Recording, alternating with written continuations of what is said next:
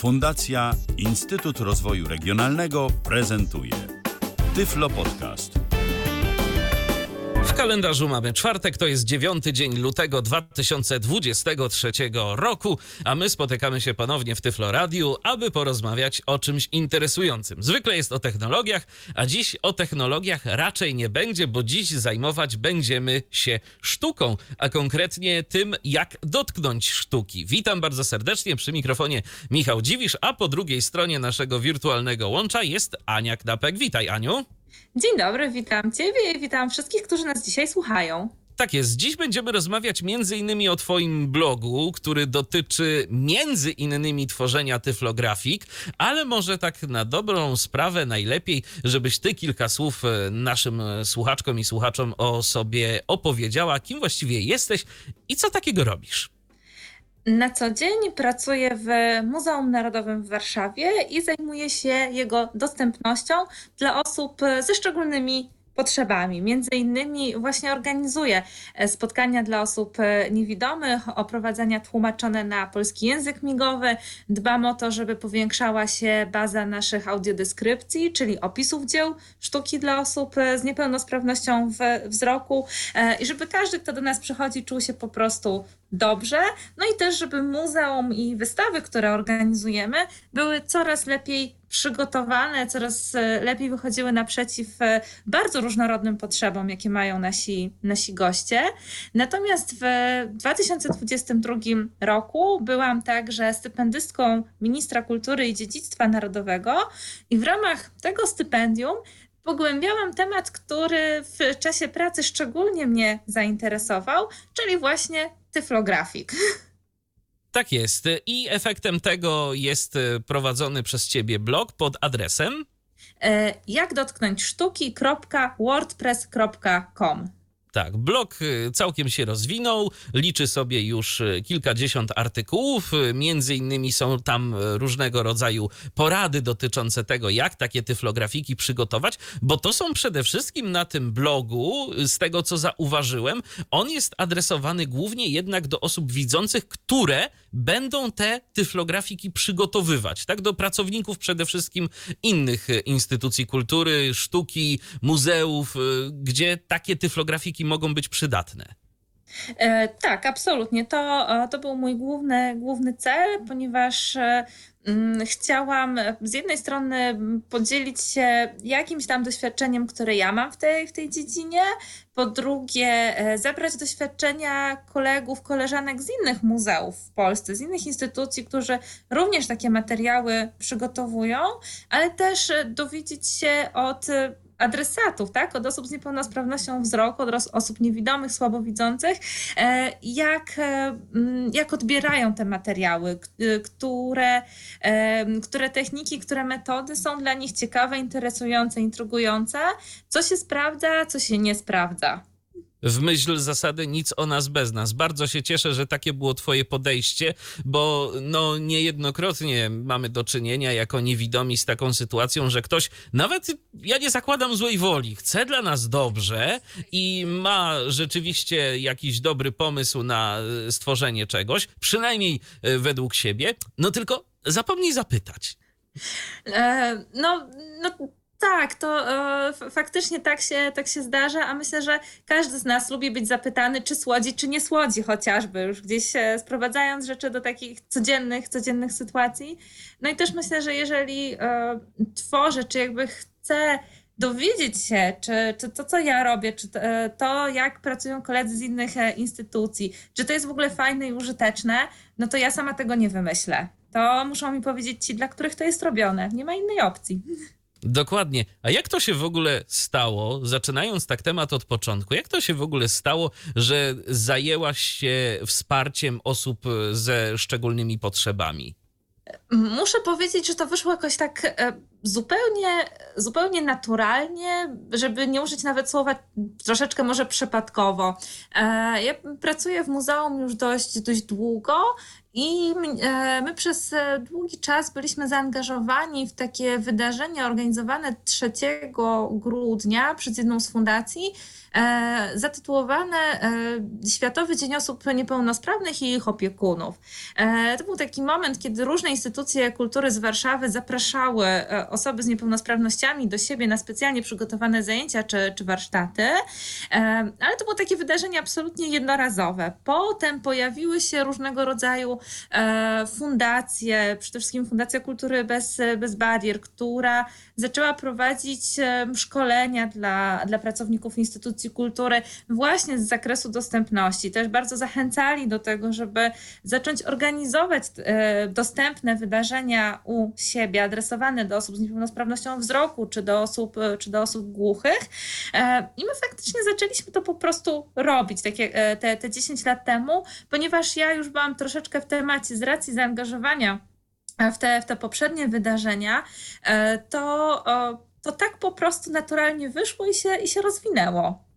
I rozwinęło się do całkiem e, sporych rozmiarów, bo Muzeum Narodowe już nie jedne działania ma na swoim koncie, prawda? Adresowane do osób e, o szczególnych potrzebach. Tak, e, w, z takich e, rzeczy, w, które mamy w naszym stałym repertuarze, e, to raz w miesiącu organizujemy spotkania dla osób z niepełnosprawnością wzroku, raz w miesiącu organizujemy oprowadzanie tłumaczone na język migowy, na polski język migowy. Mamy warsztaty dla rodzin z dziećmi w spektrum autyzmu, mamy ciche godziny w każdą drugą, trzecią środę miesiąca od 16 do 18 można zwiedzać muzeum w absolutnej ciszy, bez żadnych wycieczek, bez um, żadnych tego typu bodźców dodatkowych, które mogą gdzieś tutaj nam troszeczkę przeszkadzać w odbiorze sztuki. E, w jednej z naszych galerii, w Galerii Faras, mamy przygotowaną ścieżkę dotykową. Mamy audiodeskrypcję do ponad 300 dzieł z naszej, z naszej kolekcji, one są dostępne w serwisie cyfrowe mnwart.pl przy po prostu konkretnych dziełach, do których mamy je, je opracowane. E, poza tym, mimo że nasz gmach e, powstał, został budowa jego została ukończona w 1938 roku, to jesteśmy całkiem nieźle dostępni architektonicznie. W, w zasadzie e, wszędzie mamy, jak nie windę, to podjazd, platformę, także e, w zasadzie jest tylko jedno pomieszczenie ekspozycyjne, do którego nie dostanie się osoba o ograniczonej sprawności ruchowej. E, mamy pętle indukcyjne poinstalowane w, w kasach, w szatniach, w naszej sali wykładowej, więc e, no, staramy się jak, jak możemy. Aniu, jak wy to zrobiliście? Bo przecież y, bardzo często słyszy się, że jeżeli do czynienia mamy z jakimś zabytkowym budynkiem, a mam wrażenie, że jeżeli coś zostało zbudowane w latach 30. XX wieku, to to już jednak mimo wszystko pod to się łapie i tam mhm. jakiś konserwator y, zabytków y, swoją rękę na tym kładzie. Jak wy to zrobiliście? Jak wam się to udało, skoro inne instytucje bardzo często się tym zasłaniają? Mam taki prosty przykład z naszego lokalnego tu Iławskiego dworca kolejowego, gdzie mm, była jakaś dość y, sroga awantura, chociażby o pobudowanie windy y, i kilka innych usprawnień, no nie można, bo konserwator zabytków na to nie wyraża zgody. Jak u was to było? E, szczerze mówiąc, e, nie wiem jak u nas to, to było, e, bo windy są od zawsze, tak, tak naprawdę. mamy szyby chyba, chyba od zawsze, po, po prostu. Natomiast podjazdy, te, te platformy ruchome, ja prawdę mówiąc też przychodząc do muzeum, one już były. My je po prostu w pewnym momencie wymieniliśmy na, na nowe, tak, na takie, które mają już udźwig do 300 kg E, więc tutaj nie odpowiem rzetelnie i kompetentnie. Wiem, że natomiast, że jest to bardzo trudna sprawa. Tak? Jest to bardzo trudna sprawa. E, I, e, I to są, to jest zawsze rozpatrywane bardzo, bardzo indywidualnie. Tutaj e, faktycznie e, taki głos decydujący ma, ma konserwator e, i to w, tak jak, jak, on się, jak on się wypowie, jakie podejmie decyzje.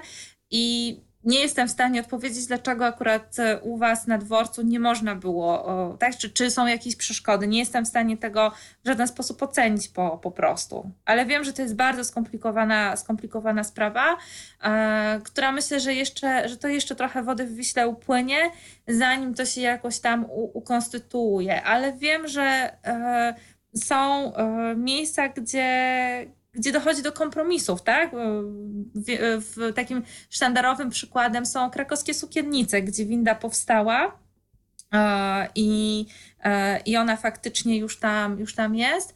E, no i słynnym przykładem jest też Louvre, gdzie wy, wyburzono jedną klatkę schodową po to, żeby zainstalować windę.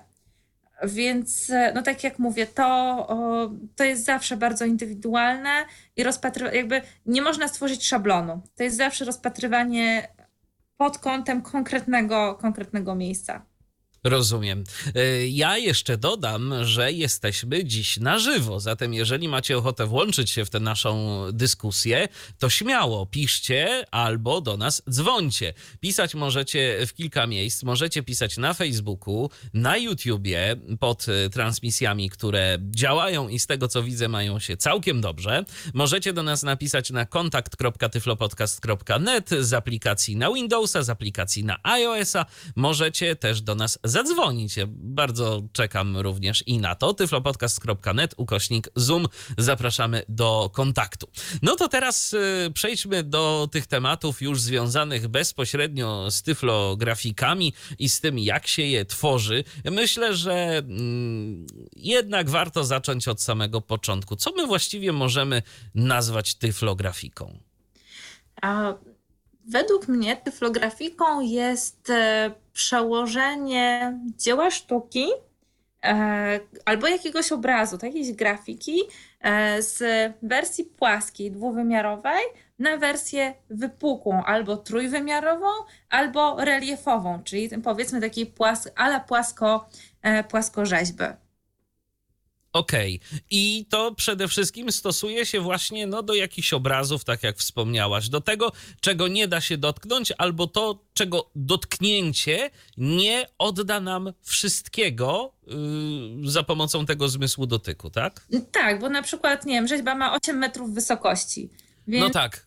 Albo ktoś jest odważny i chodzi po rusztowaniu, albo, e, albo trzeba coś w miniaturze po, po prostu. Zdecydowanie tak. No i jak te tyflografiki się w zasadzie tworzy? Z czego można je mm, zbudować, a najważniejsze, o czym warto pamiętać, przekładając y, tę mm, grafikę, ten obraz na coś wypukłego, na coś, y, co możemy ogarnąć y, za pomocą zmysłu dotyku? Mhm. E materiałów, e, z których czy w których możemy wykonać tyflografikę jest, jest całe mnóstwo. To może być, to może być wydruk 3D, tak? czyli jakiś rodzaj, rodzaj plastiku. E, to może być papier puchnący, papier pęczniejący, który drukuje, zadrukowujemy odpowiednio przygotowaną w komputerze grafiką i potem przepuszczamy przez e, wygrzewarkę E, i, i w ten sposób powstaje nam taki wypukły, wypukły obraz. Albo możemy tę tyflografikę przygotować ręcznie e, z tego wszystkiego, co mamy pod ręką, czyli nie wiem, ze sznurka kleju, papieru ściernego, e, gipsu, nie wiem, jeżeli potrzebujemy włosy, możemy z futra coś wyciąć takiego sztucznego albo z jakiejś peruki, e, więc można też zrobić tyflografikę samodzielnie, powiedzmy z takich e, przeciętnych, powszechnie dostępnych materiałów plastycznych, bardzo szeroko rozumianych. Czy to jest tak, że pewne materiały nadają się do tworzenia pewnych tyflografik? Jest jakaś taka reguła w y, tworzeniu tego typu rzeczy? Czy to jest tak, że po prostu w zasadzie mamy tu pełną dowolność, co mamy pod ręką, to z tego tworzymy, byle po prostu oddać y, no, to dzieło, które chcemy zinterpretować? Mm, wydaje mi się, że warto robić różne rzeczy świadomie. Czyli zanim zaczniemy wycinać, piłować albo, albo jeszcze, jeszcze coś przyklejać, przede wszystkim popatrzmy na, na dzieło, które chcemy przekazać tą tyflografiką. Tak? Jakby popatrzmy na to dzieło i zastanówmy się, które jego elementy przełożymy na tyflografikę. ponieważ kiedyś wyczytałam takie bardzo mądre zdanie w, jednym z artykułów, że tyflografika jest tak naprawdę redakcją dzieła sztuki. To nigdy nie jest przełożenie dzieła sztuki jeden do, do jednego z absolutnie każdym, każdym detalem. E, to jest takie przetłumaczenie go na troszeczkę inny, inny język. E, teraz dlaczego tak się, tak się dzieje? Wyobraźmy sobie obraz, na którym mamy jakiś jeden wyraźny element, powiedzmy, nie misę wypełnioną owocami, Natomiast w tle mnóstwo się dzieje, a to jakieś książki stoją na półce, a to nie wiem, kot jeszcze chodzi po tych półkach i tak dalej, i tak dalej.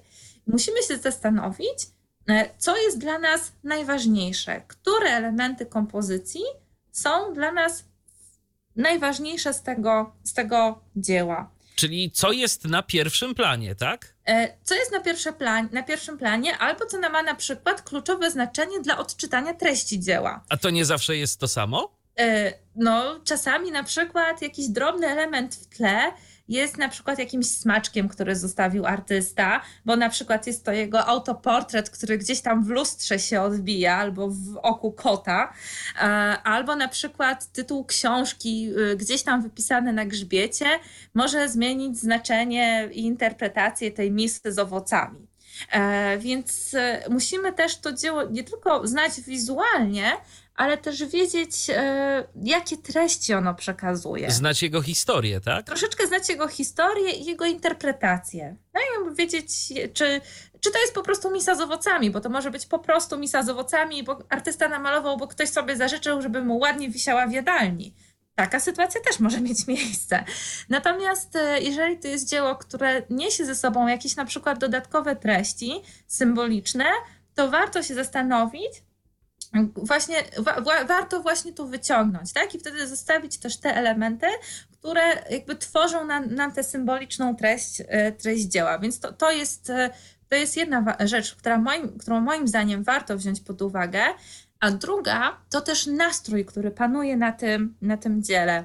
E, pamiętam właśnie jak z moimi, z moimi ekspertami rozmawiałam o typografice przygotowanej przez Muzeum Sztuki w Łodzi do pracy e, bezrobotni Władysława Strzemińskiego.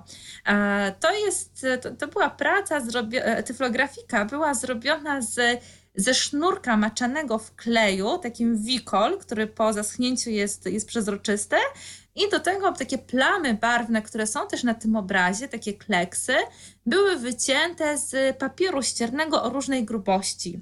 Wszystko razem w dotyku było takie dość, dość szorstkie, dość, dość takie e, no, no nie do końca bardzo, bardzo przyjemne.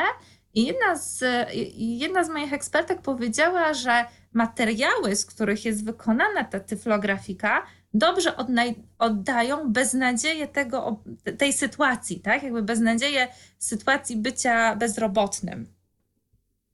A to też ciekawe podejście, to tak. prawda. Tak, to, to, to, to, jest jedna z takich rzeczy, która głęboko mi utknęła w pamięci, że też wykorzystując do, y, że robiąc tyflografikę własnoręcznie, możemy, e, możemy spróbować oddać charakter tego dzieła, używając odpowiednich faktur, bo wyobraźmy sobie teraz, że te prace bezrobotni Strzemińskiego robimy z satynowej tasiemki i jedwabiu to miałoby zupełnie inny wydźwięk. Przynajmniej w interpretacji tej osoby, która właśnie powiedziała ci o, o, tej fakturze, że właśnie ta faktura miała na nią tak szczególny wpływ. To tak. można by było sobie pomyśleć, że w sumie no bez roboty to nawet i fajnie jest, bo na głowę komuś tam nie kapało, nie, nie, nie padało, to, to, to przyjemnie i nie trzeba tak. pracować, tak? Tak. No bo te, też e, ja sobie to wtedy porównałam do takiego wrażenia, które często mają osoby widzące, patrząc na, na sztukę, e, że nie wiem, E, orety, jaki na przykład e, przerażający pająk, tak? Albo mhm. Jaka wspaniała suknia, też taką bym chciała. Albo orety, dlaczego oni polują na te biedne zwierzęta. No więc jakby dzieła sztuki wywołują w ludziach jakieś emocje, tak? jakieś nie wiem, bardziej pozytywne, mniej pozytywne. Zawsze jakoś emocjonalnie się ustawiamy do tego, do tego dzieła. Patrzymy na krajobraz i myślimy sobie, jak ja bym chciała skoczyć w te bieszczady, które tutaj są namalowane, prawda? To e, no jest, jest jakaś emocja w stosunku do dzieła i wydaje mi się, że w przypadku takiej samodzielnie robionej tyflografiki e, nośnikiem emocji, albo przynajmniej próbą ich przekazania może być materiał, którego wykorzystamy. Więc z jednej strony taka twarda wiedza o dziele, z drugiej strony właśnie też wczucie się w klimat tego, e, tego dzieła, czy obrazu, fotografii, czy, czy jeszcze jakiegoś innego dzieła, dzieła sztuki.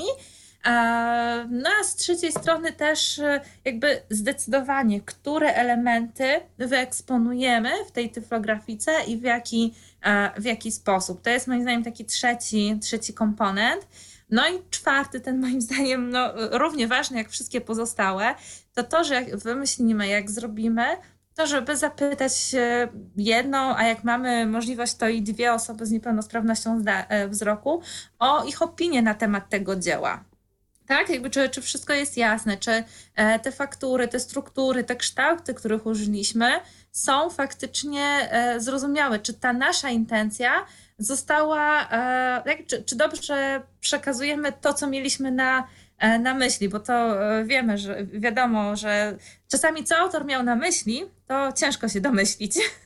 To też prawda. Do ekspertów y, i do opinii to przejdziemy sobie za chwileczkę, mhm. ale ja chciałem zapytać o jeszcze jedną rzecz y, przy okazji tworzenia i interpretowania y, tej grafiki na tyflografikę, bo wspominasz o wielu różnych rzeczach, a zastanawiam się, dla mnie jest to totalna abstrakcja. Ale tak zawsze mi się wydawało, że w sztuce jakiejś wizualnej kolor ma spore znaczenie. I co z nim? Kolor ma znaczenie, absolutnie. E, I z kolorem, e, kolor można rozegrać na kilka sposobów. Po pierwsze, jeżeli mamy taką możliwość, możemy e, kolor, użyć, użyć dokładnie tego koloru, który jest w obrazie.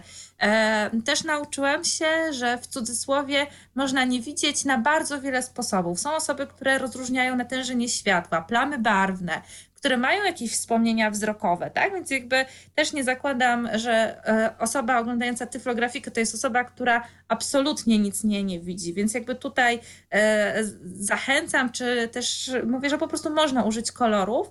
Natomiast to jest, te, te kolory wśród materiałów, które analizowałam, e, była jedna tyflografika do obrazu Pola Cezana, Góra Świętej Wiktorii, gdzie celem jej autorek e, z Fundacji Wielozmysły było e, właśnie przekazanie kolorystyki obrazu, więc one użyły do jej zrobienia wyłącznie elementów wyłącznie w kolorze czarnym.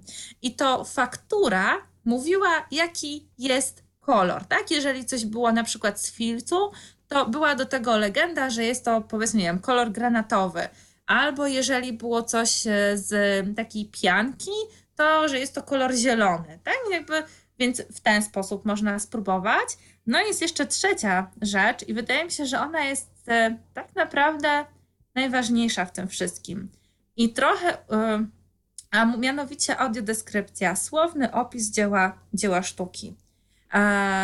Ponieważ, tak jak mówiłam, tyflografika jest też w pewnym sensie redakcją dzieła tak? Jakby powiedzmy, że e, musieliśmy usunąć to tło, żeby misa z owocami była, e, była czytelna. Ale to nie zmienia faktu, że tam tło z książkami jest. Więc e, żeby ktoś nie miał wybrakowanej informacji o, o dziele, warto uzupełnić ją słowem. Tak? Jeżeli... Czyli wtedy to jest tak, że nie wszystko musi znaleźć się na tej makiecie danego tak. dzieła, w tej tyflografice, natomiast to, czego nie ma, to warto po prostu gdzieś tam umieścić w jakimś opisie. W opisie, w nagraniu audio, albo jeżeli mamy sytuację na żywo, sytuację warsztatową, tak, że jest, jakby jesteśmy z grupą e, i wspólnie oglądamy tę tyflografikę, to już na przykład po tym, jak zapoznamy się z tą misą z owocami, mogę powiedzieć, że za nią w tle jest jeszcze regał z książkami, jest ich przynajmniej 100 albo 200, a na przykład pomiędzy, książ pomiędzy książkami jeszcze co e, są poustawiane różne bibeloty. E, zawsze jakby też z jednej strony to, to jest jest, to jest taka nie tyle pułapka, co e, też trzeba pamiętać, żeby przekazywać informację o dziele sztuki jednak jak najbardziej kompletną. Tak, że oczywiście tyflografika, tyflografika jest e, rodzajem pomocy tak, dotykowej w opowiadaniu o dziele, o dziele sztuki ale zawsze słowo jest potrzebne jako uzupełnienie, chociażby po to, żeby też ktoś oglądając e, tyflografikę e, i mając do tego jeszcze słowo, mógł się lepiej zorientować w tym, co, w tym, co ogląda. E, I tam wtedy jak najbardziej mówimy o kolorach, mówimy o, o, o fakturach, mówimy o detalach, które są na, na dziele sztuki czy taka legenda do danego dzieła to jest zazwyczaj norma, czy są takie tyflografiki, y, gdzie po prostu no nie jest ona konieczna, wystarczy tylko jakaś audiodeskrypcja opisująca to, co mamy na oryginale y, wizualnie? E, jeżeli są tworzone audiodeskrypcje, to zazwyczaj są, są one robione do oryginału, tak? Do, do oryginału dzieła. Tak, tak, tak, tak, to się zgadza. E, Tylko tak. właśnie y, chodzi mi o tę legendę, jako jeszcze jakieś dodatkowe uzupełnienie opisu Nie. już samej tyflografiki. Mm, taką legendę klasyczną jak w mapie, tak? Czyli, że mamy próbkę jakiejś tak. faktury. E, to się bardzo rzadko zdarza, natomiast to jest też to, coś, co mi wyszło w rozmowie z moimi ekspertami, że dla nich w zasadzie to jest element niezbędny. E, w, e, w, w, takiej idealnej tyflografiki.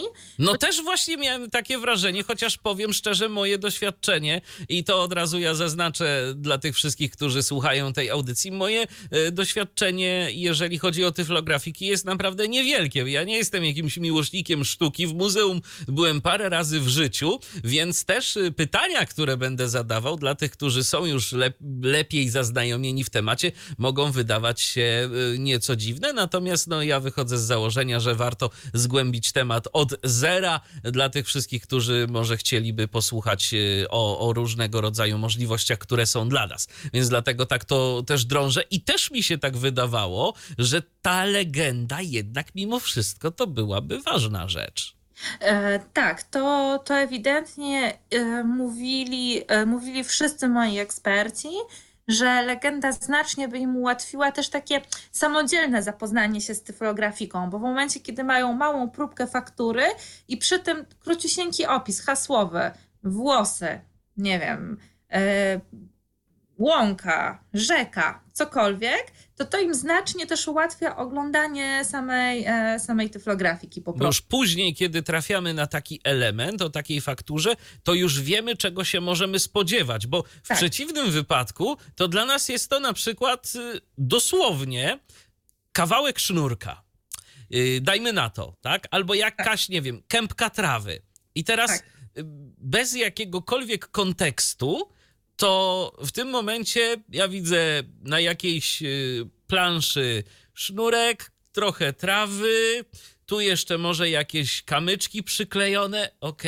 I teraz jak ja mam to sobie poskładać, żeby z tego mi powstał obraz, yy, który jest oryginałem? Bez kontekstu to się chyba tego nie da zrobić. E, to prawda. I tutaj dochodzimy do jeszcze jednej bardzo ważnej rzeczy, e, o której musi pamiętać osoba robiąca taką tyflografikę. O konsekwencji stosowania pewnych faktur w obrębie tyflografiki. Rzeka nie może być raz satynową wstążką, raz e, filcowo, filcową plamą. Jeżeli rzeka albo woda, to zawsze ta sama faktura. Tak? Jakby to to e, powinno być to jakoś ze sobą spójne po prostu. Zgadza się.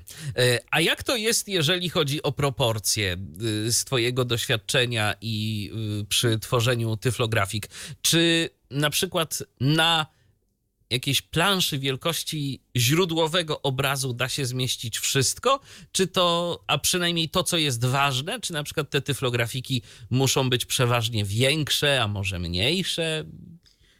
To znaczy tak, tyflografika nie powinna być, e, żaden materiał dotykowy, nawet nie mapa czy, czy plan, układ dworca nie powinien być większy niż e, szerokość ludzkich, na, na jaką człowiek jest w stanie rozstawić dłonie, tak? Bo, e, bo wtedy, bo do tego momentu to jest materiał, który możemy obejrzeć obydwiema rękoma I też moje, moje, moje obserwacje pokazują, że osoby z niepełnosprawnością wzroku oglądają e, tyflografiki obiema rękoma, więc jakby to nie może być większe niż ten metr dwadzieścia powiedzmy na jakieś 90 centymetrów. E, natomiast e, ja staram się robić te, te tyflografiki no nie większe niż format A3, ponieważ to jest też kwestia E, wygody wykorzystywania podczas, e, podczas zajęć, wygody oglądania. To musimy położyć też na jakiejś sztywnej podkładce, żeby, bo jeżeli mamy kartkę papieru, położymy na kolanach, to pod wpływem dotyku to, to się tylko pogniecie i nie będzie z tego pożytku. Nikt tego nie obejrzy wygodnie. No i dość szybko taka tyflografika się zwyczajnie zniszczy. E, to się zniszczy, tak, więc, e, więc e, dlatego, tak biorąc pod uwagę, jakie, w jakich formatach A3, A4 żyjemy zazwyczaj, to jakiego, jakiej wielkości są różnego rodzaju podkładki, staram się trzymać po prostu tego formatu i tak też zresztą ma, większość większość osób. Oczywiście można zrobić większą troszeczkę cyfrografikę. Czasami się trafiają jakieś mniej, mniej standardowe, ale raczej, e, raczej te dwa, te dwa formaty. Rozumiem.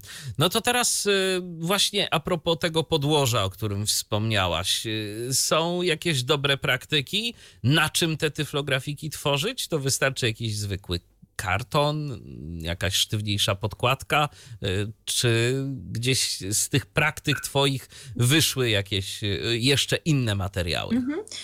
E, wyszło, e, miałam kilka ciekawych obserwacji. To, e, tak jak mówię, jeżeli nie mamy innej możliwości, możemy zrobić typografikę po prostu na kartce z bloku technicznego i do oglądania podać ją na takiej podkładce z klipsem. Tak, też będzie ok.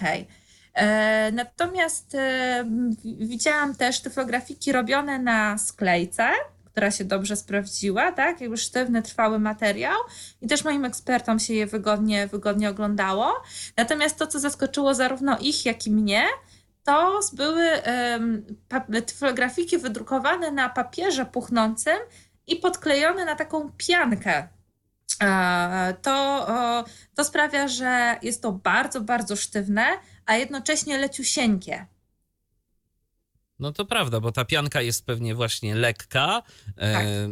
papier też wiele nie waży, więc tak. rzeczywiście te tyflografiki łatwo przenieść y, i łatwo coś z nimi po prostu zrobić. Natomiast tak. mówisz o takiej piance, która stanowi często wypełnienie jakichś przesyłek, tak? To coś tego e, typu? Nie, nie, nie, już e, sekundkę, już nie, pamiętam, nie pamiętam jak się nazywa ta pianka, ale zaraz sobie, zaraz sobie przypomnę, odświeżę jak się ta pianka, ta pianka nazywała, a w międzyczasie opowiem jeszcze o jednej metodzie, którą ja czasami, czasami stosuję, E, czyli na przykład e, taki twardy, to jest bardzo sztywny karton używany do paspartu.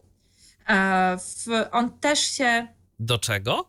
Do paspartu, czyli do robienia takich kartonowych ramek dookoła na przykład grafiki albo do oprawiania zdjęcia. Okej. Okay. To, to jest to, oj, to jest, już, już mówię, to jest taka ta pianka, to się fachowo nazywa płyta piankowa z rdzeniem z pianki poliuretanowej. Brzmi dość znajomo, zwłaszcza ta poliuretanowa pianka. To tak. jest tak, to, to raczej dość często się wykorzystuje w różnych. Tak. Tak, ja myślę, że jak e, to, to, to, się mądrze nazywa, ale jakbyśmy wzięli do ręki, to od razu byśmy wiedzieli, o... że to jest to. Że to jest to. To jest lekka, lekka pianka, też cienka, ale niesamowicie sztywna po prostu. E, a jeszcze chcesz coś dodać a propos tego kartonu, o którym wspomniałaś? O, do paspartu? Karton tak. do paspartu jest, e, jest po prostu bardzo, bardzo sztywny. To, e, to jest karton, z którego już pewnie można by jakieś pudełko nawet, nawet zrobić. I na nim też się bardzo dobrze robi tyflografiki. E, w, nawet można na to nakleić jakąś plastelinę, jeżeli jest taka potrzeba, e, i to też ładnie się, ładnie się z nią połączy. Więc jak, e, a karton do paspartu, to myślę, że w takich sklepach dla, dla plastyków, albo oczywiście w internecie, wszystko jest w internecie, można się po prostu za, zaopatrzyć. To teraz porozmawiajmy o ekspertach, o konsultacjach, bo to jest y, myślę, że istotne, y, jeżeli chodzi o tyflografiki, no bo w końcu ktoś je później będzie oglądał i fajnie byłoby wiedzieć, y, jak też to, co zrobimy, jest odbierane przez grupę docelową, czyli przez niewidomych. Z Twoich doświadczeń warto, żeby takie osoby już miały jakieś wcześniejsze kontakty z tyflografiką, czy dobrze, żeby to były osoby zupełnie bez doświadczenia? E, ja myślę, że najfajniejszy jest miks. E, oczywiście, jeżeli nie mamy takiej możliwości, to najfajniej jest konsultować, myślę, że zawsze z kilkoma osobami. Według starej zasady, ile osób, tyle opinii. E, w, każdy ma jakieś swoje preferencje, każdy ma inne doświadczenia, każdy z różną częstotliwością uczestniczy w wydarzeniach, e, tak, w których, na których korzysta się z typografik. E, też każdy ma jakąś swoją historię, tak? Część osób na przykład, nie wiem, widziała we wczesnym dzieciństwie, część osób straciła wzrok jako osoby dorosłe, niektórzy urodzili się nie, nie widząc. Więc e, też e, ta różnorodność ich doświadczeń ma bardzo duże znaczenie przy tym, jak oglądają tyflografikę, co są z niej w stanie wyczytać e, i, i jak są biegli w tym po, po prostu. A ponieważ no, każdy z nas jest inny po prostu jako, jako człowiek tak w ogóle, to też na różne rzeczy zwraca, zwraca uwagę. I były um, takie aspekty, w których moi eksperci po prostu w zasadzie byli jednogłośni, a muszę dodać, że z każdą osobą zawsze spotykałam się e, jeden na jeden, tak? Jakby nie organizowałam takich grupowych spotkań, gdzie spotykaliśmy się wszyscy i coś omawialiśmy, tylko to były takie spotkania jeden na, na jeden i czasami w ogóle jakby uzgodnili wcześniej ze sobą ten, ten werdykt. E, natomiast e, były takie, e, i są też na moim blogu takie przykłady, że jak przeczytamy opinie ekspertów, to, to każdy ma inne zdanie na ten temat. Jeden, że świetne, drugi, że średnie, trzeci, że to się dobrze, że, że to było fajne, a ktoś jeszcze inny, że, że na to zwrócił uwagę, więc, więc myślę, że warto e, skonsultować z kilkoma, z kilkoma osobami, tak? jeżeli mamy taką możliwość oczywiście. E, I niekoniecznie to musi być ktoś, kto co tydzień biega do, do muzeum albo jest na każdej wystawie, jeździ po całej, e, po całej Polsce. Co osoby niewidome, z którymi współpracowałaś przy tworzeniu tych opisów na mm, Twoim blogu, jak dotknąć sztuki, miały okazję obejrzeć? Co miały okazję obejrzeć? Tak. E, miały okazję obejrzeć tyflografiki przygotowywane przez różne muzea w Polsce. E, oglądali tyflografiki z Muzeum Narodowego w Krakowie, robione na papierze puchnącym właśnie. E, robi, oglądali tyflografiki do dzieł sztuki e, współczesnej, e, przygotowywane przez Fundację Wielozmysły na potrzeby różnych warsztatów. Oglądali tyflografiki robione przez Galerię Labirynt w Lublinie, które były, były tworzone taką metodą projektową wspólnie ze studentami kierunków artystycznych i też oczywiście w konsultacji z osobami z niepełnosprawnością wzroku. I jeszcze, ojej, żebym nikogo nie pominęła, o nikim nie zapomniała, to, e, to teraz. E, a i Muzeum Sztuki w Łodzi jeszcze oczywiście. I i jeszcze Muzeum Sztuki, e, Sztuki w Łodzi, stamtąd chociażby już ci wspomniani bezrobotni, czy, czy inni, czy i też inne, inne dzieła. Jasne, no więc całkiem sporo tego, pewnie opinie były różne, ale czy można gdzieś tak określić na podstawie tych opinii, na podstawie zebranych uwag, jakie powinny być cechy takiej idealnej tyflografiki?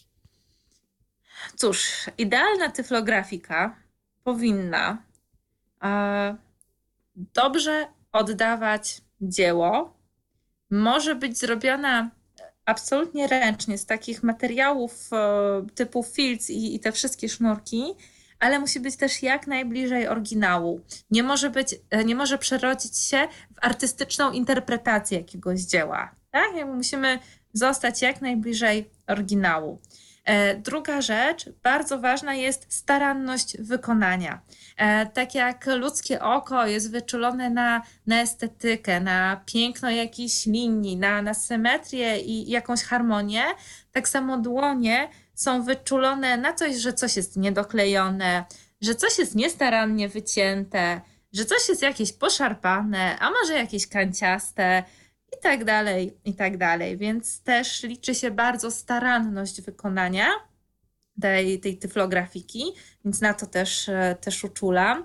E, kolejna rzecz, na którą te, o której też warto pamiętać, e, to, to właśnie ta legenda, o której już rozmawialiśmy, żeby w miarę możliwości dodać legendę, i opisać ją zarówno w czarnodruku, czyli tym alfabecie, w tym piśmie, którym posługują się osoby widzące, oraz w brajlu.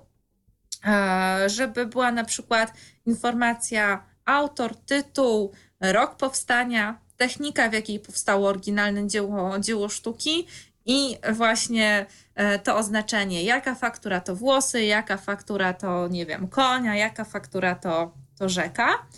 E, no i to, e, to podłoże. To, to podłoże, żeby było sztywne, żeby wygodnie się tę tyflografikę oglądało. No i e, też taki przemyślany, słowny komentarz do, do tego. Taki, żeby dopowiedzieć to, czego nie umieściliśmy na tyflografice, albo żeby dopowiedzieć, umieć wyjaśnić, co i dlaczego na niej jest. To są na pewno bardzo ważne rzeczy. A jak z oglądaniem tych tyflografik? To myślę, że dla naszych y, niewidomych słuchaczy może być dobra wskazówka, bo też pewnie nie jedna rzecz wyszła, y, jeżeli o to chodzi. Jak najlepiej zabrać się w ogóle do oglądania tej tyflografiki? Jeżeli nie mamy y, doświadczenia, miałabyś też jakieś wskazówki?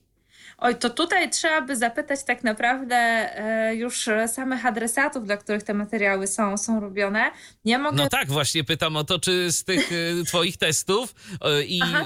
badań, które prowadziłaś w ramach bloga, coś wyszło? Jakiś to znaczy... taki schemat oglądania tych tyflografik? To znaczy tak, ja mogę podzielić się wyłącznie swoimi obserwacjami, tak? tak Jasne że, że moi eksperci oglądają, przede wszystkim tak muszą to sobie wygodnie ułożyć, czy to na stole, czy, czy na kolanach. To jest pierwsza rzecz. Druga, e, druga rzecz e, to jest, e, tak najpierw, jaki to jest rozmiar, tak? Jaki, jaki to jest rozmiar, więc, więc patrzymy gdzieś tam po, po brzegach i zawsze to się odbywało dwoma dłońmi.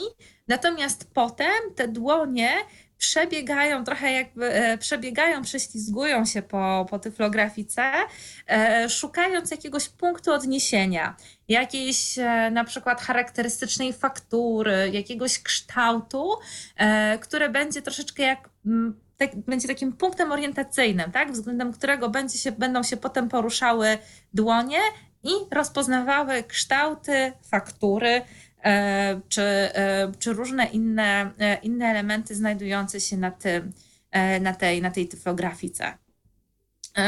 A potem, czyli tak od ogółu do, do, tej, do, coraz większych, do coraz większych detali, i też nauczyłam się, że to jest też moment, w którym pojawia się bardzo dużo pytań, co jest absolutnie naturalne, tak? A czy y, pojawiają się domysły, tak? Nasz umysł zaczyna y, kojarzyć, tak? Że to, y, a czy to jest taki kształt, a czy to jest na przykład, nie wiem, ludzka twarz, aha, to tu będzie oko, aha, to tu będzie, tu będzie nos tak? Jest takie upewnianie się, czy dobrze buduję sobie ten obraz w wyobraźni e, na podstawie tego, tych faktur, tych struktur, które, które dotykam. E, czasami e, coś jest na przykład, nie wiem, troszeczkę bardziej skomplikowane i trzeba do, dokładniej do, dopowiedzieć. Czasami po prostu też jakby za zezwoleniem, tak, osoby, która dotyka, biorę jej dłoń i, e, i na przykład e, pokazuje jakąś konkretną, e, konkretną fakturę, tak, żeby lepiej ktoś sobie mógł zobrazować daną, daną linię, która na przykład jest wyjątkowo, wyjątkowo skomplikowana, bo, ale była ważna do, do przekazania. I to, to, to jest mniej więcej, mniej więcej tak. Natomiast też zauważyłam, że jeżeli ta tyflografika jest wykonana właśnie z materiałów, e, już używajmy w cudzysłowie tych plastycznych, e, budzi ona większe zainteresowanie niż jeżeli to jest wykonane na przykład na papierze puchnącym. E, papier puchnący, nie wiem, czy, czy ty miałeś kiedyś do czynienia z papierem puchnącym. Tak, zdarzyło się parę razy. Zdarzyło się, ale to jest taka jednorodna faktura, prawda? Tak, to jest takie Dokładnie. Trochę, i trochę wypukłe. A jak w tym jeszcze, e, więc jakby to jest, ja to, e, ten papier puchnący, oczywiście on jest też bardzo, bardzo dobry. Ja go porównuję do rysunku technicznego. Tak, to jest taki rysunek techniczny, który nas zapoznaje z tym, z tym albo z tamtym. Czyli po prostu mamy schemat. Mamy gdzieś schemat, linie, kontury, te najważniejsze kształty. I natomiast, kiedy oglądaliśmy te tyflografiki robione z materiałów e, właśnie tych filców i sznurków przysłowiowych, to tam w, tych, e, w rozmowie, która toczyła się wokół tej pracy, pojawiały się emocje, pojawiały się wspomnienia, pojawiały się skojarzenia. Tak? Czyli jakby pojawiały się te wszystkie elementy, które dzieją się tak, że w momencie, kiedy osoba widząca patrzy na dzieło sztuki, tak? Nie wiem, patrzy na portret jakiejś damy, mówi, no, przypomina mi moją babcię, tak? Albo, o, albo na przykład, ojej, w, w, tej sukience to wyjątkowo musiałoby być nie, niewygodnie. E, więc to też było dla mnie bardzo, bardzo interesujące. I jeszcze jedna. Bo to tak trochę tak mi teraz przyszło y, na myśl, że y, narysowanie y, takiego, właściwie stworzenie stworzenie takiej tyflografiki na papierze puchnącym, to można przyrównać do tego, jakby ktoś narysował po prostu coś jednym kolorem, cieniutką kreską, no żeby tylko oddać na przykład same kontury yy, danego dzieła. No, dla osoby widzącej też nie byłoby to atrakcyjne. E, to można to tak porównać, natomiast ja też nie chciałabym negować tych, tych flografik robionych na papierze puchnącym, tak? Jakby, bo to nie, nie o to chodzi. Uważam, że one też są, e, też są absolutnie ok. Mówię o tym, co się pojawia w momencie, jakby od różnicy, którą zaobserwowałam. Jasne. Natomiast też nic nie stoi na przeszkodzie, żeby łączyć techniki. Mi się zdarzało robić te flografiki na papierze puchnącym i na przykład dokleić coś do nich, tak? Czyli po prostu na ten papier puchnący, pamiętam e, w naszej kolekcji, w kolekcji naszego muzeum jest e, taki portret przepiękny, pokazujący e, portret Poli Negri, polskiej aktorki z okresu dwudziestolecia międzywojennego, która podbiła Hollywood. I jest wspaniały portret, który ukazuje ją w, w takim futrze, tak opuszczonym, że odsłania jej nagie ramiona. I cały ten portret miałam zrobiony właśnie jako właśnie twarz aktorki fryzurę aż do ramian miałam zrobione na papierze puchnącym, a to futro po prostu dokleiłam.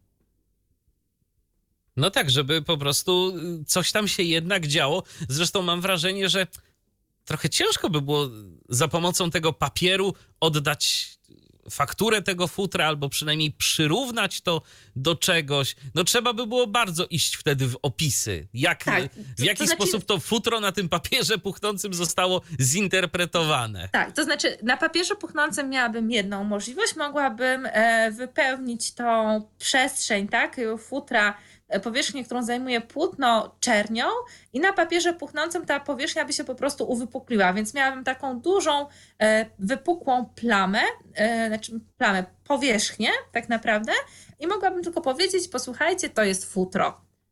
Dokładnie. Gdzie dokleiłam. I było na pewno ciekawsze w dotyku. I było, było ciekawsze, tak. Było, było na pewno ciekawsze.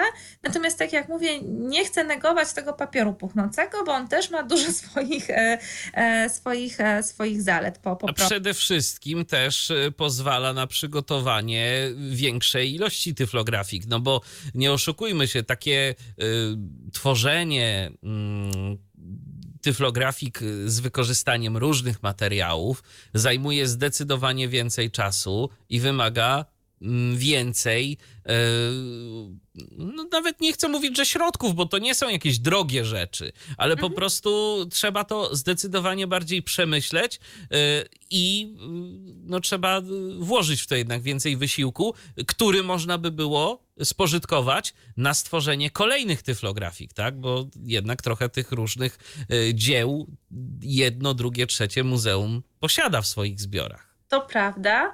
E, I to, to, dobrze, że o tym wspomniałeś, bo mi się przypomniały dwa, dwa kolejne wątki. Faktycznie robienie e, takiej tyflografiki własnoręcznie jest procesem czasochłonnym, tak? Jeżeli to ma być staranne, dopracowane, wycyzelowane, to jest to po prostu, to, to zajmuje kilka, kilka godzin, tak, tak naprawdę. Czasami e, robi się też jakieś próby techniczne, żeby zobaczyć, czy to, co się w głowie wymyśliło, faktycznie sprawdza się w, w przełożeniu.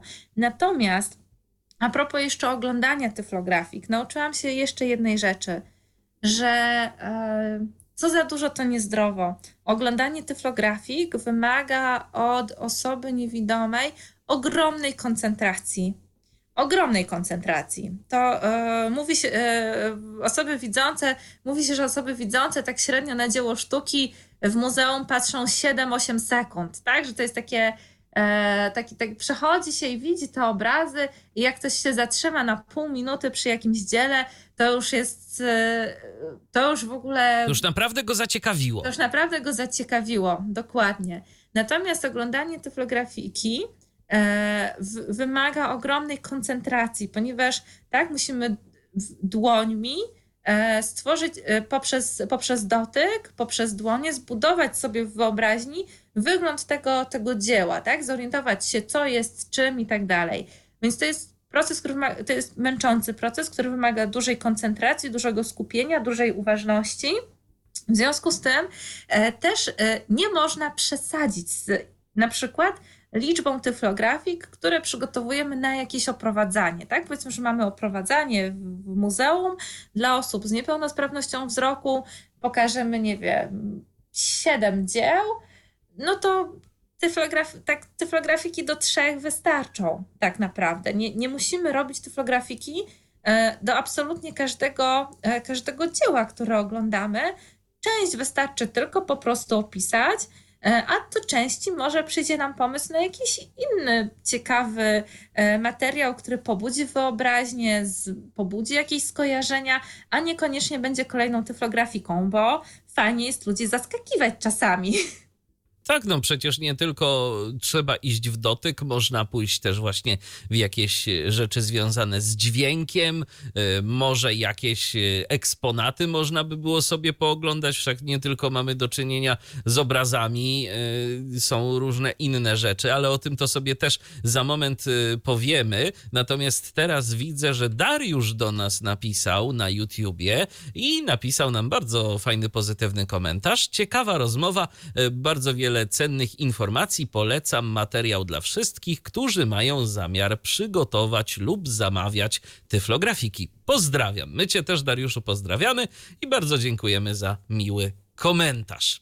E, jeżeli chodzi o to, co powiedziałaś, Aniu, przed momentem, e, a propos tych e, dzieł i jakby proporcji, jeżeli chodzi o ilości tyflografik, to tak w ogóle zapytam, jak organizuje się jakieś oprowadzanie, czy w ogóle mamy do czynienia z osobami widzącymi, które idą sobie do muzeum i coś tam oglądają, to zazwyczaj ja mam wrażenie, że jednak oni oglądają znacznie więcej niż tam powiedzmy te siedem obrazów czy siedem jakichś eksponatów, że tego jest sporo, sporo więcej.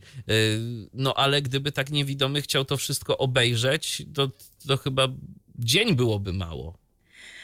Oj, ja, ja jako osoba widząca też już się nauczyłam, że e, czasami jeden dzień w muzeum to jest za mało po, po prostu. E, ludzki wzrok też się, też się męczy, a prawda jest taka, jeżeli mówimy o sytuacji um, oprowadzania, tak? Mamy oprowadzanie dla, dla grupy osób widzących na przykład, mhm. E, to też nie zatrzymujemy się przy absolutnie każdym obrazie, bo po e, siedmiu minutach po prostu ludzie by od, odpadli. Tak jak ludzki umysł też jest w jakimś, w jakimś stopniu tylko w stanie skoncentrować. Więc też tak naprawdę, jeżeli mamy oprowadzanie na jakiś temat, dokonujemy wyboru dzieł, które pokażemy. Jeżeli mamy szlak pod tytułem arcydzieła, no to wybieramy tak zwane hity, tak? Jakby to, co, to, co w naszej kolekcji naj, najcenniejsze. Jeżeli chcemy, jeżeli mamy wystawę czasową, to też z tej wystawy czasowej wybieramy takie dzieła, które najlepiej oddadzą nam charakter tej wystawy, najlepiej opowiedzą to, co chcemy przekazać poprzez prezentację dzieł, takiego, a nie innego wyboru, wyboru dzieł. Jeżeli mamy oprowadzanie pod tytułem na przykład, e, e, nie wiem, moda, dawna moda, to wybieramy dzieła, które najlepiej nam zilustrują ten temat. Nie, nie zatrzymujemy się przy każdym, przy każdym obrazie, przy każdym, przy każdym zabytku. Zawsze oprowadzanie, wszystko jedno, czy dla osób widzących, czy dla osób niewidomych, jest jakąś selekcją dzieł z kolekcji pod kątem tematu, którym się zajmujemy w danym, w danym momencie. Natomiast jeżeli mamy do czynienia z taką wizytą, że po prostu przychodzę do muzeum i teraz zwiedzam, oglądam tutaj wszystko, e, no to w, naprawdę e, trzeba mieć na to, na to chwilę zawsze w muzeum. ale w takiej sytuacji, no to raczej rzadko można spotkać się z sytuacją, y, że będzie większość tych eksponatów wyposażona w jakieś y, tyflografiki, w jakieś dodatkowe opisy. Raczej praktykowane jest y, cały czas, praktykowany jest cały czas ten model oprowadzania, tak, że jednak warto zgłosić wcześniej taką chęć, że chce się coś zobaczyć, albo ewentualnie wypatrywać na Facebooku czy innych mediach społecznościowych społecznościowych danego muzeum czy na stronie internetowej informacji, że jest coś organizowane dla osób niewidomych. Jak to wygląda z Twoich doświadczeń? Mm, to wygląda w Polsce coraz lepiej, muszę powiedzieć. W, w bardzo wielu większych miastach Polski już przynajmniej jedno, albo czasami kilka nawet muzeów regularnie, e, prowadzi regularnie e, spotkania dla osób z niepełnosprawnością wzroku, tak? Nie wiem, raz w miesiącu, raz na dwa miesiące. Różna jest częstotliwość, bo różne są, są potrzeby, ale też te muzea, które teraz się remontują na przykład, E, już w, w swoich planach uwzględniają takie rzeczy jak ścieżki dotykowe, jak ścieżki, tak, jak ścieżki naprowadzające, czyli te, te linie, e, którymi, e, dzięki którym możemy się, się poruszać.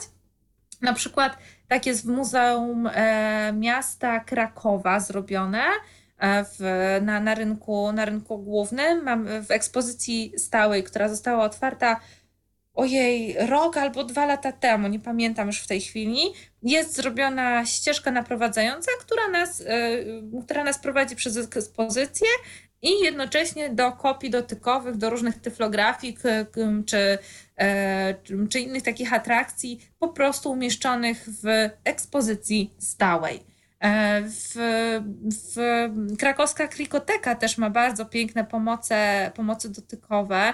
E, w, polecam też galerię Labirynt w, w Lublinie dla miłośników e, sztuki, sztuki współczesnej, czy dla osób, które chciałyby troszeczkę się z nią, z nią zapoznać. E, Muzeum Narodowe w Krakowie w Galerii Sztuki XX-XXI wieku oraz w, oraz w Muzeum Czartoryskich mają porobione ścieżki, ścieżki dotykowe.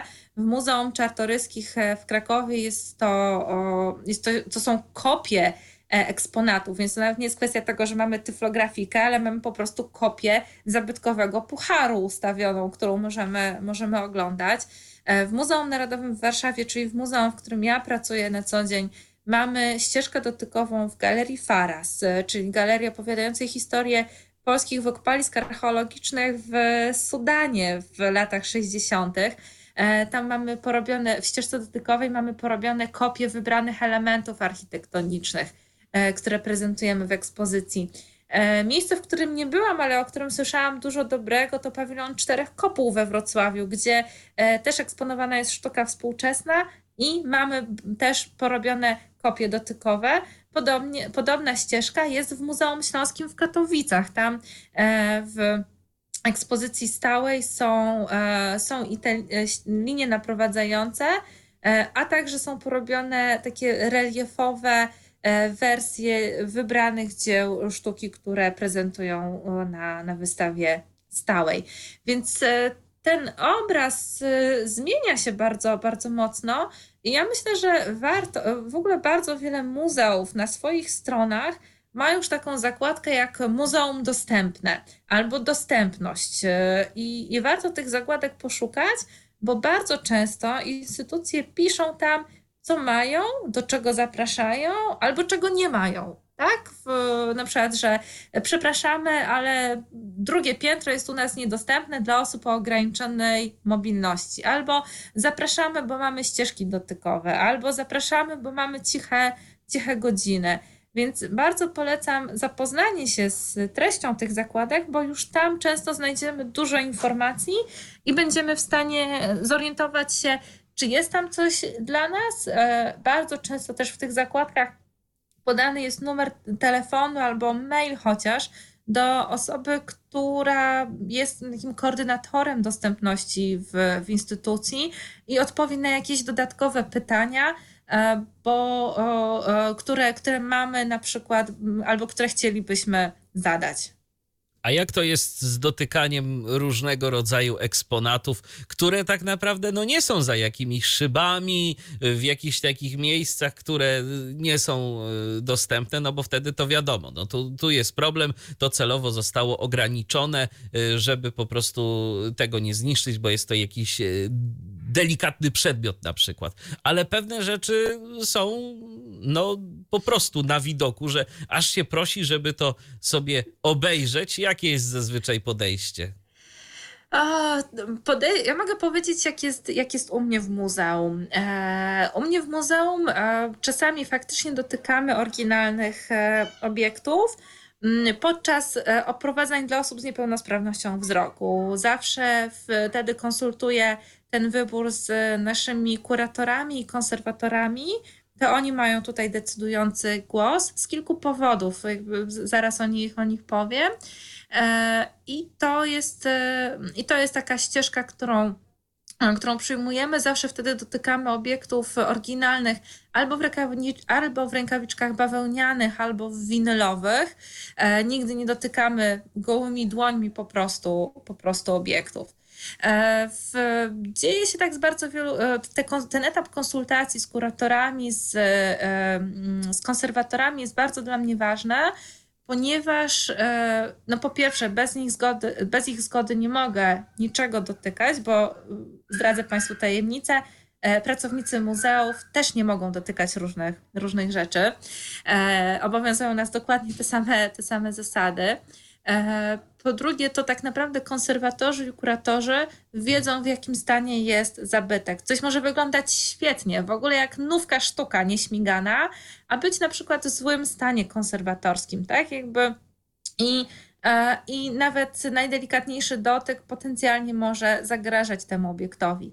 E, obiekty, które są poddawane konserwacji, konserwacja to jest czysta chemia. Tak? Tam jest bardzo dużo różnego rodzaju środków chemicznych. E, no i też e, to jest zawsze to pytanie, czy te środki na przykład nie wywołują różnego rodzaju alergii. E, to jest druga strona tego, tego medalu. E, a trzecia strona, e, jeszcze opowiem o jednym przykładzie. Na przykład zabytki e, sztuki średniowiecznej, przepiękne rzeźby polichromowane, czyli drewno albo inny materiał pokryty, pokryty jeszcze, jeszcze warstwą farby, na przykład namalowany jakiś przepiękny wzór na, na sukni, na, na, na szatach Marii, czy, czy pomalowane karnacje włosy i to jest nie do dotykania w ogóle. Tak? To jest tak stare, tak delikatne, że już lepiej czasami dotknąć zaby- e, rzeźby ze starożytnej Grecji niż średniowiecznej polichromowanej rzeźby. Więc, bo po prostu się może uszkodzić. Bo po prostu się może, może uszkodzić. I to są takie, e, e, ponieważ e, to ja bardzo rozumiem e, te, e, to też, czym są muzea. Z jednej strony są miejscami, gdzie mamy się czuć dobrze, tak? gdzie ma być wszystko jak najbardziej dostępne, ale z drugiej strony też chcemy, żeby te zabytki przetrwały jak najdłużej, żeby kolejne pokolenia też mogły się z nimi zapoznawać, tak? żeby, żeby też przetrwały jak naj, najdłużej. Stąd e, jest jeszcze taka, jest taka duża ostrożność w, w podejściu do tego, do tego dotykania. Ja ją absolutnie rozumiem, szanuję. E, I też e, jakby robię to na takich zasadach, na jakich, na jakich mogę, jakie są bezpieczne dla zabytków też i dla ludzi, którzy mają oglądać te, te obiekty. A jak to wygląda na świecie? Y, mogłabyś coś powiedzieć a propos dostępności muzeów, jakichś ciekawych miejsc, y, które może udało ci się zobaczyć? W zasadzie, co, co zwiedzam jakieś muzeum, to jest jakieś nowe odkrycie, to jest troszeczkę, troszeczkę inaczej. Mogę opowiedzieć o wizycie w Muzeum Miasta Strasburga, gdzie byłam niedawno. I muzeum jest to, co mnie zaciekawiło, to, to to, że w holu, w wejściu, przy, niedaleko, nie, nie, niedaleko od wejścia, była taka szafeczka. Na szafeczce, na drzwiczkach była, był naklejony symbol osoby z niepełnosprawnością wzroku, takie oko przekreślone. Podeszłam natychmiast, otworzyłam szafeczkę, a tam torba. Duża torba zakładana na ramię. No więc oczywiście zaglądam do środka. A w środku lupy powiększające, e, formularz wypożyczenia, rękawiczki jednorazowe i dwie książeczki. Jedna książeczka przeznaczona dla osoby z niepełnosprawnością wzroku, gdzie były opracowane tyflografiki kilku obiektów z takimi bardzo prostymi podpisami w Braille'u. To był, e, to był język francuski z Braillem. E, e, Braille to tylko tak wzrokowo, a francuski to, to już w ogóle nie bardzo. Więc tylko dowiedziałam się, że są tam po prostu tytuły, tytuły dzieł, nazwiska artystów.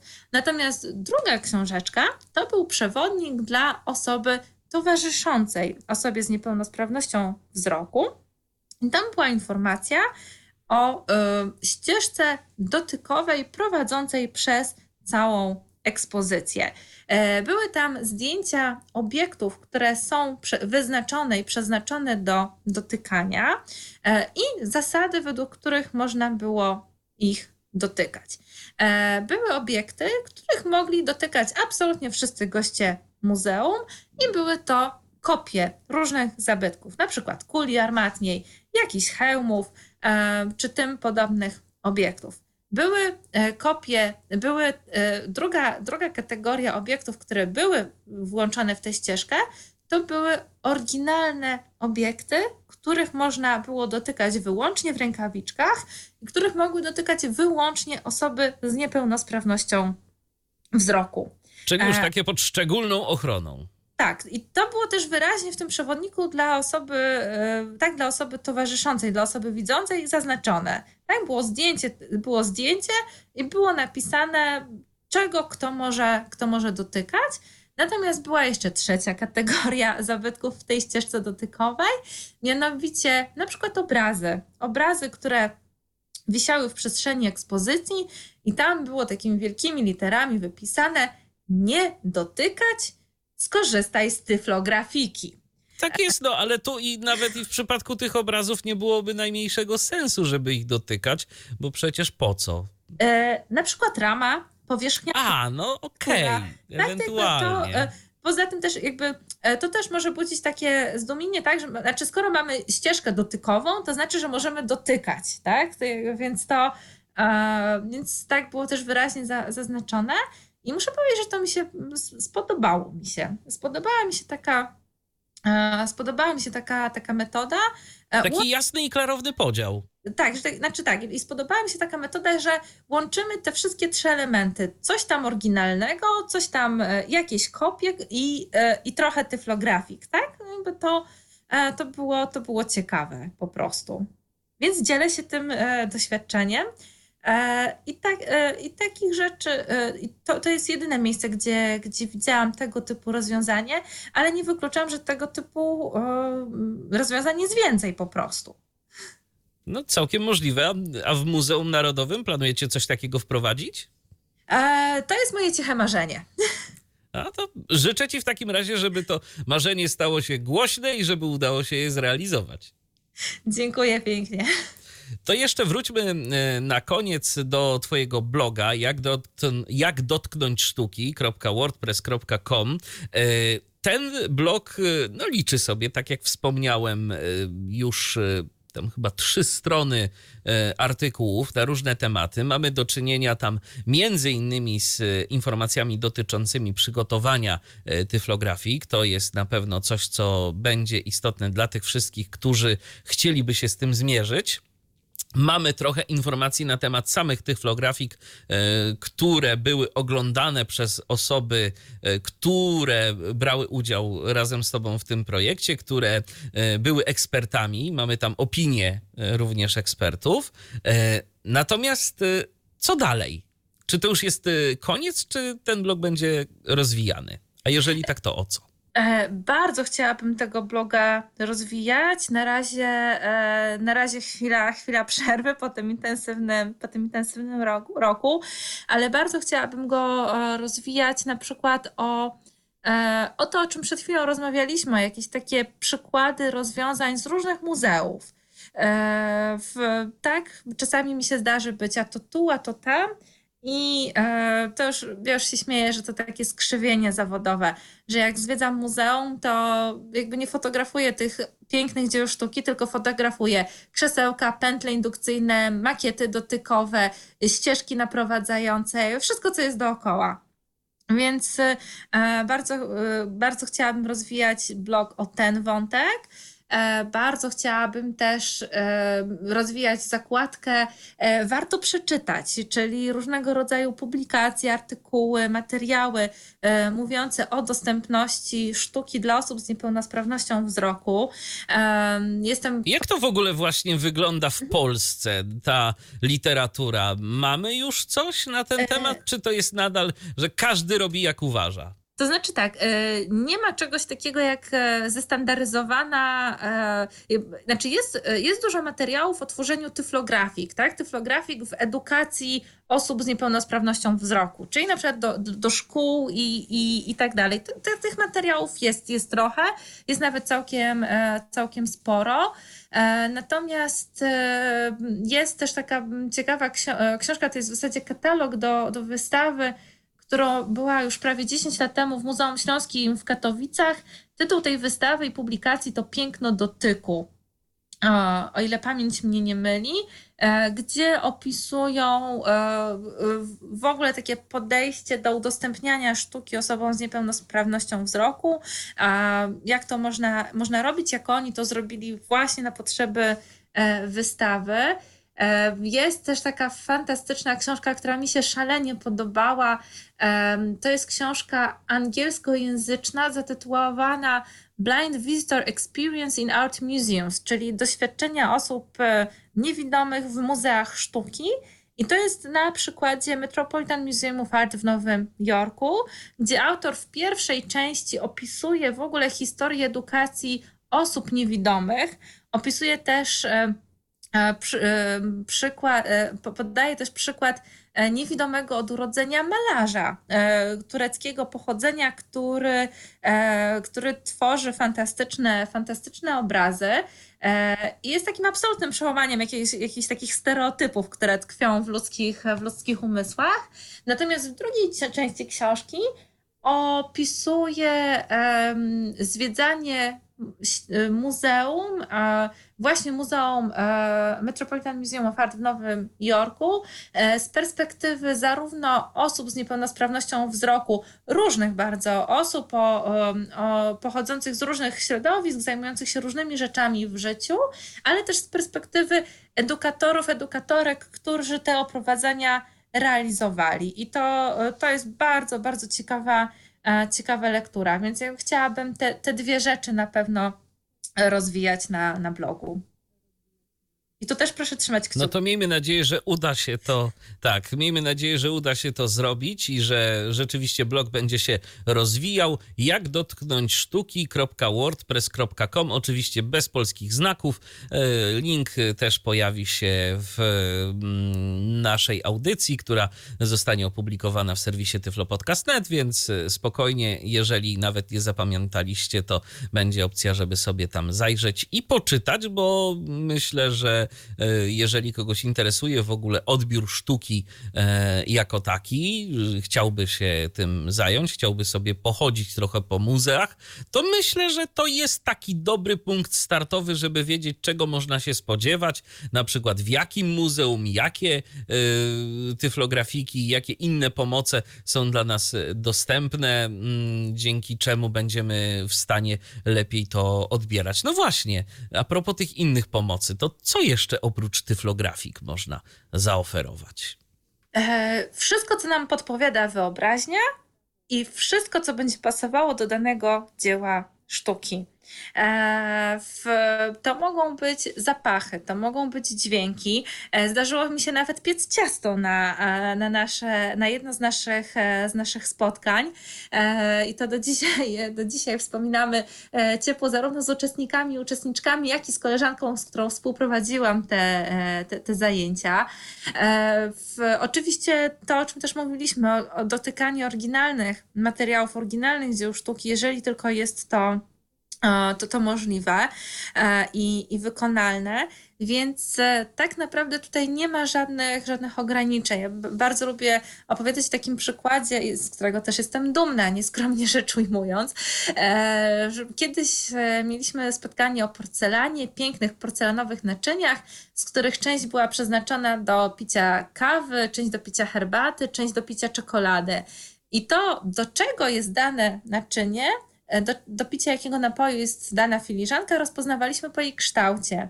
Więc wycięłam kształt tej filiżanki z papieru, e, tych filiżanek z papieru i odpowiedni kształt nasączyłam odpowiednim zapachem. Jeden kształt był nasączony zapachem czekolady, drugi kawy, trzeci herbaty. E, tak więc jakby tutaj było takie połączenie. Ten kształt, który ma zapach, więc od razu łączymy to e, z danym, e, z konkretnym, z konkretnym napojem. Czasami zdarzy się, że na przykład na dziele sztuki jest jakiś przedmiot, który jest w jakiś sposób bardzo charakterystyczny. Na przykład jest to e, na jednym z obrazów u nas w, muzeum jest e, e, bohater, który ma do pasa przypięty pas myśliwski na naboje, tylko zamiast nabojów są tam powtykane tubki farby. No więc kupiłam pas myśliwski do napojów, kupiłam tubki farby i mam taką oto pomoc dotykową, tak? Jakby o całym dziele można opowiedzieć, a ten pas po prostu pokazać jako rodzaj takiej E, takiej ciekawostki. I też trzeba zawsze wyważyć, czy na przykład e, e, danie do, do dotykania cytryny, pomarańczy i na przykład, nie wiem, i, i jakiegoś jeszcze przedmiotu, czy owocu, czy warzywa, które no, no każdy z nas zna, bo tak cytrynkę do herbaty, czy do ciasta, będzie atrakcyjne. Może bardziej atrakcyjne będzie dotknięcie, nie wiem, na przykład fragmentu jedwabiu prawdziwego albo jakiejś innej jeszcze tkaniny, czy przedmiotu, e, który nie, co, nie na co dzień mamy, mamy w rękach. No to rzeczywiście sporo różnych ciekawych y, możliwości jest. Tak naprawdę ogranicza nas tylko nasza fantazja, wyobraźnia i później y, gdzieś tam zbieranie informacji zwrotnej od osób, które e, biorą udział w takich oprowadzaniach, jak one to odbierały i czy było to dla nich rzeczywiście pomocne. Absolutnie tak. No to dobrze, to w takim razie już tak kończąc y, nasze dzisiejsze spotkanie, y, zapytam, co tam w Muzeum Narodowym, czego w najbliższym czasie można się spodziewać? Y, może chciałabyś zaprosić na coś naszych słuchaczy? Jak najbardziej. Zapraszam e, absolutnie w najbliższy piątek, 17, sprawdzę jeszcze, czy to, żebym daty nie pomyliła. Tak, w najbliższy piątek, 17 e, lutego będziemy mieli oprowadzanie po trwającej u nas wystawie czasowej, e, wystawie zatytułowanej Przesilenie Malarstwo Północy 1880-1910. E, to jest wystawa sztuki z krajów e, północy: Norwegia, Islandia, Finlandia, Dania, Szwecja, czyli wszystko to, co na, na, północy, na północy Europy. E, I będziemy e, zwiedzali tą wystawę pod kątem dzieł sztuki inspirowanych kulturą ludową, folklorem. E, w, na spotkaniu jest o godzinie 18 będą na nie obowiązywały zapisy. My też mamy na naszej stronie internetowej formularz, po którego formularz zgody na otrzymywanie od nas informacji o właśnie wydarzeniach dla osób z niepełnosprawnością wzroku. Jak ktoś taki formularz wypełni, to będzie otrzymywał ode mnie na około tydzień, półtora tygodnia przed spotkaniem taką informację, że zapraszamy, będzie ono i, i od kiedy zapisy. No to zapraszamy, żeby się zapisywać, żeby sprawdzać, no bo to jeżeli, szczególnie jeżeli ktoś w Warszawie, no to, to, to, to na pewno jest coś interesującego i co można sobie zwiedzić od tak po prostu. Mhm, bez, jakiegoś, bez jakiegoś większego wysiłku. Dobrze, Aniu, to w takim razie ja życzę powodzenia w rozwijaniu bloga, jak dotknąć sztuki. Życzę powodzenia i kreatywności w tworzeniu kolejnych pomocy, y, jeżeli chodzi o ty tyflografiki i nie tylko. No i cóż, mam nadzieję, że jeszcze się kiedyś usłyszymy i będziesz miała nam do opowiedzenia kolejne ciekawe tematy y, z tego właśnie zagadnienia kultury i sztuki, bo to jest temat, który rzeczywiście, no być może y, zainteresuje interesuje coraz większą rzeszę niewidomych i słabowidzących naszych słuchaczy. Mam na to ogromną, ogromną nadzieję. Dziękuję Ci serdecznie za zaproszenie do dzisiejszej, do dzisiejszej rozmowy.